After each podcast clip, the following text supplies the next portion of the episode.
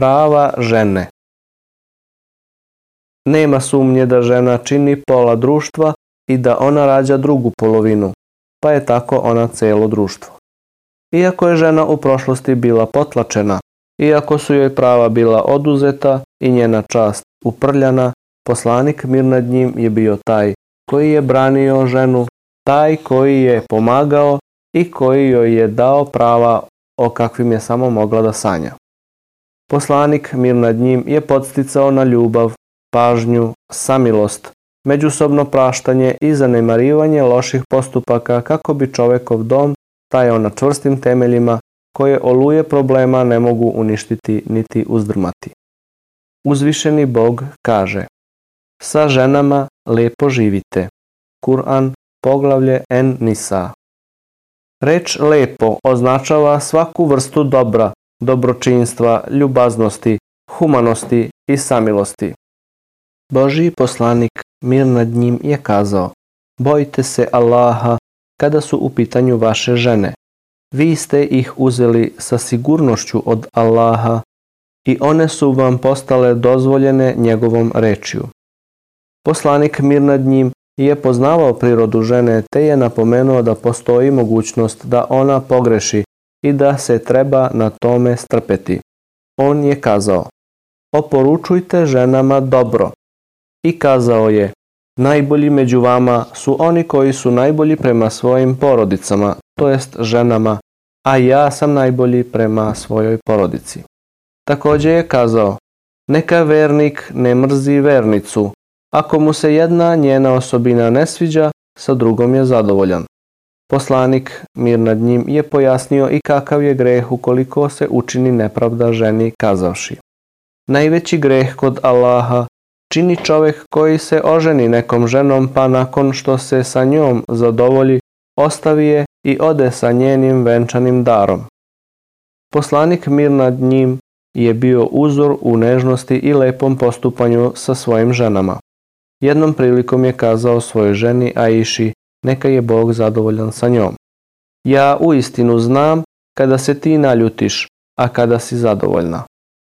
Pa ga je ona upitala, o Boži poslaniče, kako to znaš? A on je odgovorio, kada budeš zadovoljna kažeš, jeste tako mi gospodara Mohamedova, a kada si ljuta kažeš, jeste tako mi gospodara Ibrahimova. Ona reče, tako je, i tako mi Boga ja izbegnem samo Tvoje ime. Sa ovakvim osjećanjima i lepim rečima poslanik mir nad njim se obhodio prema svojim ženama, a one su, neka je Bog njima zadovoljan, uzvraćale sa istim osjećanjima. Na jednom od putovanja poslanik mir nad njim se takmičio sa Aišom, neka je Bog zadovoljan sa njom, koja kaže Boži poslanik mir nad njim se trkao sa mnom pa sam ga prestigla. Prošlo je vremena dok se nisam ugojila, pa se ponovo sa mnom takmičio i onda me je prestigao i kazao, ovo je za onaj put. Poslanik mir nad njim je nazvao grehom uzurpiranje prava žena rekavši, O Allahu, činim svetim prava dvoje nejakih, siročeta i žene. Poslanik mir nad njim je podsticao žene da budu zadovoljne svojim muževima kazavši Hoćete li da vas obavestim o tome koja će od vas u raj? Rekle su, da, Boži poslaniče, pa je on kazao. To je ona koja mnogo rađa decu i koja je umiljata, a kada se naljuti i kada joj se nanese zlo ili kada se na nju muž naljuti, kaže. Ovo je moja ruka u tvojoj ruci. Neću zaspati dok ne budeš zadovoljan. Poslanik mir nad njim je podsticao i na to da ženu treba intimno zadovoljiti. On je kazao, u vašem intimnom odnosu je sadaka, milostinja.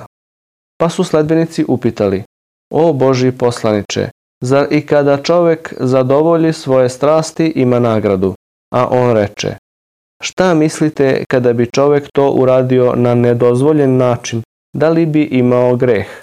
Isto tako, ukoliko to uradi na dozvoljen način ima nagradu. Poslanik, mir nad njim, je naredio da čovjek donosi opskrbu svojoj ženi i deci i to je učinio najboljim udeljivanjem. Boži poslanik, mir nad njim, je kazao, dinar koji uložiš na Božijem putu, dinar koji uložiš za oslobađanje roba, dinar koji uložiš da bi pomogao siromaha, dinar koji uložiš na svoju porodicu. Najbolje od svega toga je da uložiš na svoju porodicu.